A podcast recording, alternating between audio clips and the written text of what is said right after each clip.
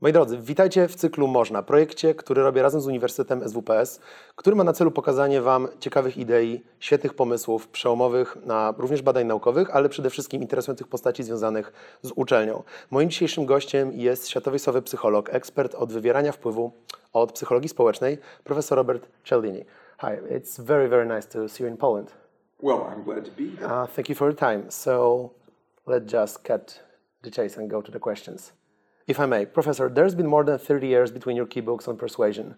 In your master perspective, what was the biggest change in how people interact? Have you seen some huge change throughout the years? Unquestionably, the biggest change has been the internet and the extent to which people have access to information from others like them in various kinds of user groups or uh, product uh, groups, uh, industry groups, and review sites, they can see how other people have responded to various kinds of products or services that they are interested in. So, one of the principles of influence that I talked about 30 years ago is the principle of social proof. People decide what to do based on what others around them, like them, have been doing. Well, in that 30 years, we now have evidence that we can go to on the internet of what many, many others like us have been doing with regard to various kinds of commercial products or services. And as a consequence, that principle of social proof has become much more available to us. I saw an article that said that for online buyers, 98% say that before they purchase, they check the product reviews. 98%? So basically, everybody. We can't get 98% of the people in the world to believe that the earth is round. But we get 98% to go to the reviews of other customers, other consumers. That's a powerful source of influence.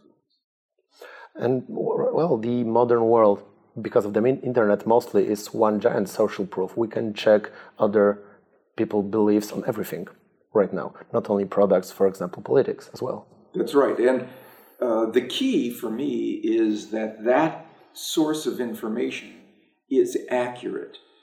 And I'm troubled by the, the tendency of certain kinds of uh, influence professionals to counterfeit information, to mm-hmm. fake reviews, and so on. So I think it's important that review sites build defenses against those kinds of phony sources of social proof.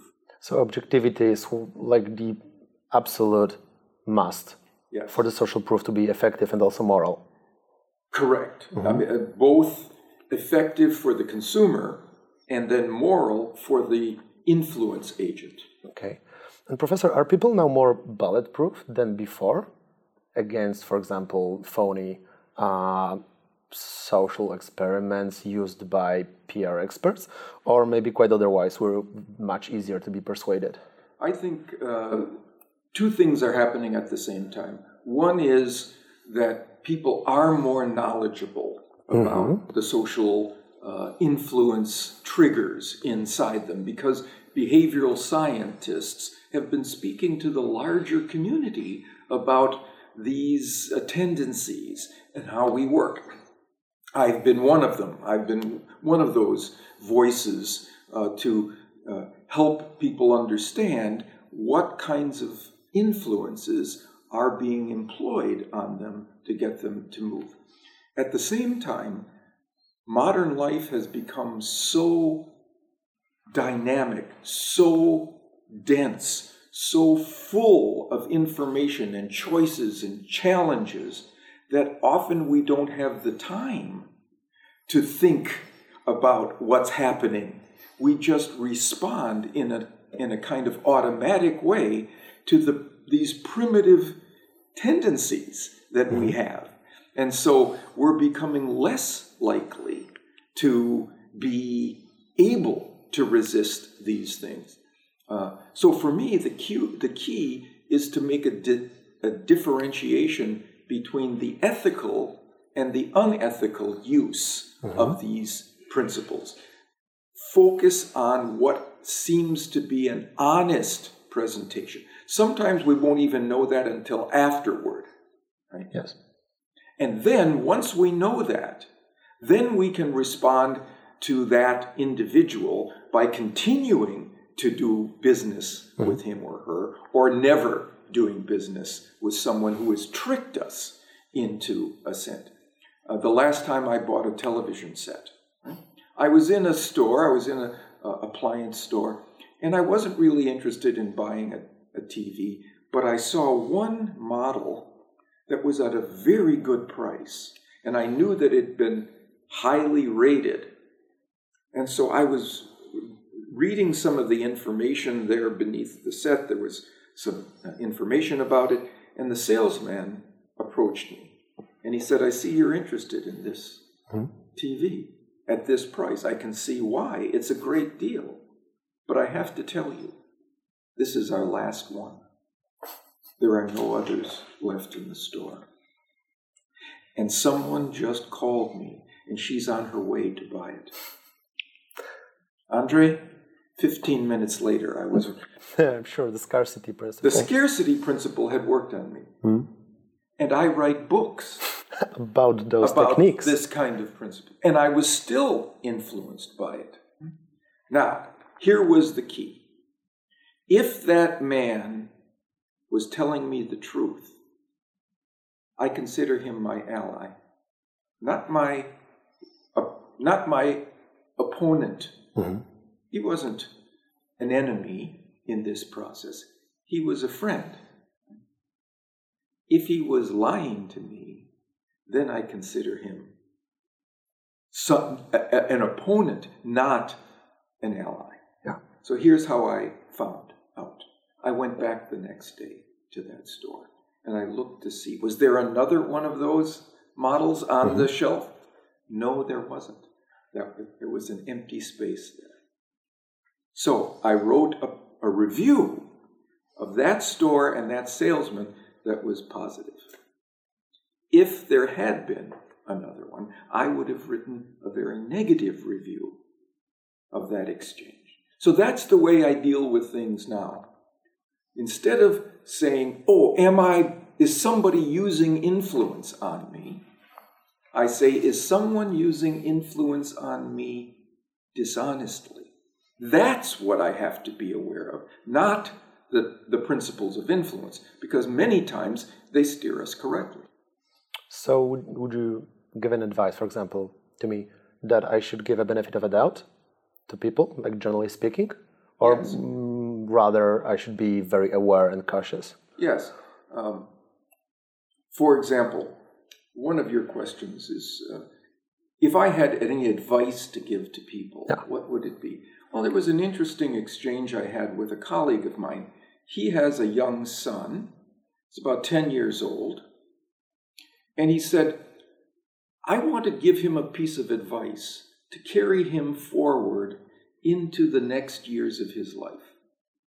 And he and my colleague was asking a lot of his friends, Okay. what what would you advise? And what I advised was tell him to trust when he goes into a new situation with new people, trust that they will act in trustworthy ways, that they will deserve your trust. Go ahead. Treat them as if they have good hearts. Because if you do that, it allows you to be generous with them. And that generosity will flow back to you. We know this by the principle of reciprocation. Yeah. Begin by giving, and people give back. Now, in those situations where you have learned that this person is a cheater, if you give and they don't give back or they trick you, then don't go to them again. Yeah. But first go in with a, a view toward wanting to be generous, and people will be generous with you. And that's the best kind of interaction to begin any relationship with. So, in a way, the self fulfilling prophecy can work both ways. If I am honest and generous, starting an interaction with someone, I have higher chances to receive yes. this kind of um, attention to me. And if I'm starting with cynicism, it will also higher the chances. Back. Yeah. In fact, there's good research from uh, the, the scientific research, uh, uh, experimentation on uh, negotiation. That's exactly what happens. If you begin a negotiation with trust and show your trust in the other person, that person will do the same for you. Um, but I still think that one should have some kind of baseline understand, like base understanding of how those principles work. Professor, um, what every person should know when it comes to persuasion? What are some most important things to have in like my toolbox when I go through life? Well, I have written in my first book that yeah. there are six things you should know, mm-hmm. six universal principles of influence reciprocation, liking, social proof, authority, scarcity, commitment, and consistency. These principles, if you understand them, they will be the features that you can put into a message that will almost always increase the probability that you will hear yes, tak. Someone will say yes to you if you include one or another of those principles into your message. So, those would be the things I would begin with as a base. The knowledge of those uh, would best equip you mm-hmm. to be successful. Um, your book on persuasion is very popular among uh, academics. It's also very popular in the professional market. But would you say that it is also a very good book to read, even if somebody's work isn't in any way related to interpersonal relations? Does this book uh, is a good thing to know to have in your mind in like a private life? In fact, after I wrote that book, mm-hmm. Influence, mm-hmm. A lot of the people who contacted me about it were interested not just in defending themselves from the principles, but of using them in everyday situations with their friends, with their family, with their co-workers, and so on. So yes, uh, we all are engaged in the influence wars uh, every day. Uh, we're either trying to influence other people or we are someone is trying to influence us. So not just salespeople and marketers and advertisers and fundraisers should know about these mm-hmm. principles. Mm-hmm. But we all should know because we have to be persuasive in our everyday interactions with the people we deal with in our personal relationships. Okay, and now I'll make a smooth segue to your second book, your new book, Pre-Suasion. Uh, is it possible, can we be effective using only improvisation methods, like approaching situations hot? I see something, I react, using those principles.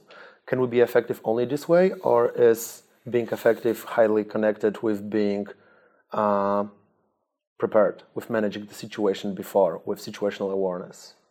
Yeah, I think I would answer that in two ways. 1st mm-hmm. of all, we should be prepared, but we shouldn't be prepared by using a particular kind of principle that we think is our favorite, the one that we think works best for us. Mm-hmm. I have a colleague who, about four years ago, started a, uh, a research program. He wanted to find the single most effective sales strategy and he spent about four years uh, researching it. The thing that would work the best over the widest range of situations, the widest range of populations and circumstances, what would it be? And I saw him at a conference recently, and he caught me by the elbow. He said, Bob, I found it. I found the single most effective sales strategy. It is not to have a single sales strategy. That's a fool's game. To think that the same principle will work in every situation. No. You have to adjust what you do or say based on the nature of the audience, based on your history with them, based on the, the strengths of your product or service, and so on. So, my answer to the second part of your question is yes, you do have to be prepared, mm-hmm. but you have to be prepared by knowing the circumstances of the situation that you are about to enter. right? What is the thing that you have that is genuinely associated with the six principles of influence? Do you have great authority in the marketplace? Do you have great expertise? Then use that. Is there genuine scarcity where there's only a few of these models left, or the time available to get one a, a great deal is, is going away? Then use scarcity. Do you have social proof? You're the, uh, the largest uh, selling product? Then you use that. So, what you do is go to the situation, you find what's genuinely there, what's inherent in the situation already, and then you raise that to the surface. That allows this individual who you are dealing with to be honestly steered in the direction of your greatest strength. Yeah. Right? And then both sides win. Um, what can be managed in persuasion? What can be managed in circumstances? Can I have some uh, impact, or should I have some impact on the circumstances, or are there, should I treat them as given and only react uh, by choosing the proper method? I think it, my new book, Pre-Suasion, tells us that there are a lot of things that we can do to create a state of mind in our audience before we ever send them a message. Right? Uh, and we can create that state of mind.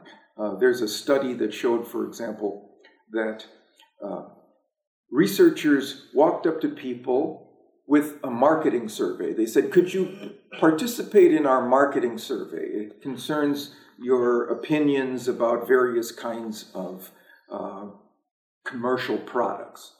We can't give you any money for it. Would you still like to do this? Well, only about 29% of the people who were approached in this way said, Okay, I'll take your survey. But if instead the researchers began the situation by saying, Do you consider yourself a helpful person? People Yeah. thought. And almost everyone said yes.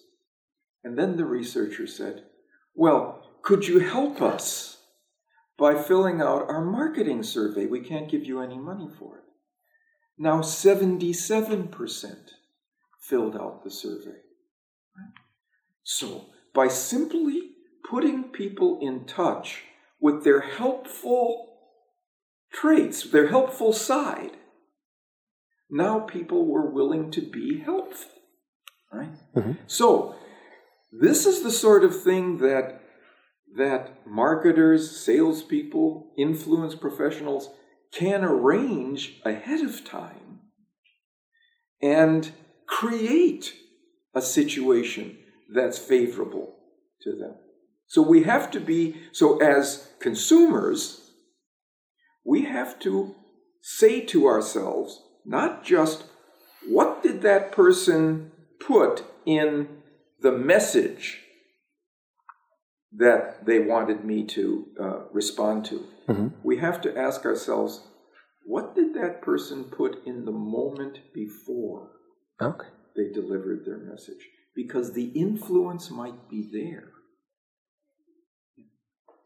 Um, one example from your new book, Pre-Suasion, was that an innocent person can go to jail because of a lackluster defense, because this person thought of himself, I'm innocent, so I shouldn't be even defending myself, because of course I'm innocent. And this person can still go to jail because the judge doesn't know who's innocent. Um, how far should go the awareness of myself in the external world? Can I shouldn't we all be just us, just people? Yeah. No, I think that if we are going to be effective and both effective as someone who uses influence mm-hmm. and effective as someone who deflects or rejects it when it is inappropriate, we have to be aware of how we work as human beings and how the persuasion process works on us and for us. Otherwise, we will be simply leaves in the wind being blown around by the very powerful forces. And uh, we will be at a disadvantage if we don't understand what these principles are and uh, how they are used on us, how we can use them to enhance our outcomes in situations. Okay. And my last question will be about cultural differences. Um, can I learn from persuasion out of the box, or should I first make some kind of fast check how those techniques apply to Polish culture? What's your take on the differences here?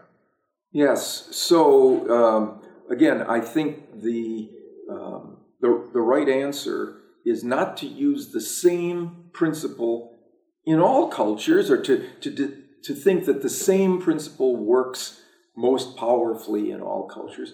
There was a study done by Citibank uh, that has offices in many cultures, and they asked their managers uh, suppose one of your colleagues approached you and asked you for help on a project that is not yours. Right? It would require, to help that person, that you take some of your time, some of your energy, uh, maybe even some of your staff to help this person. Under what circumstances would you feel most compelled to say yes? And they asked that question in four different cultures. One was uh, British based culture, so the US, UK, Australia. right? And the answer was I would ask myself, what has this manager done for me recently? Okay.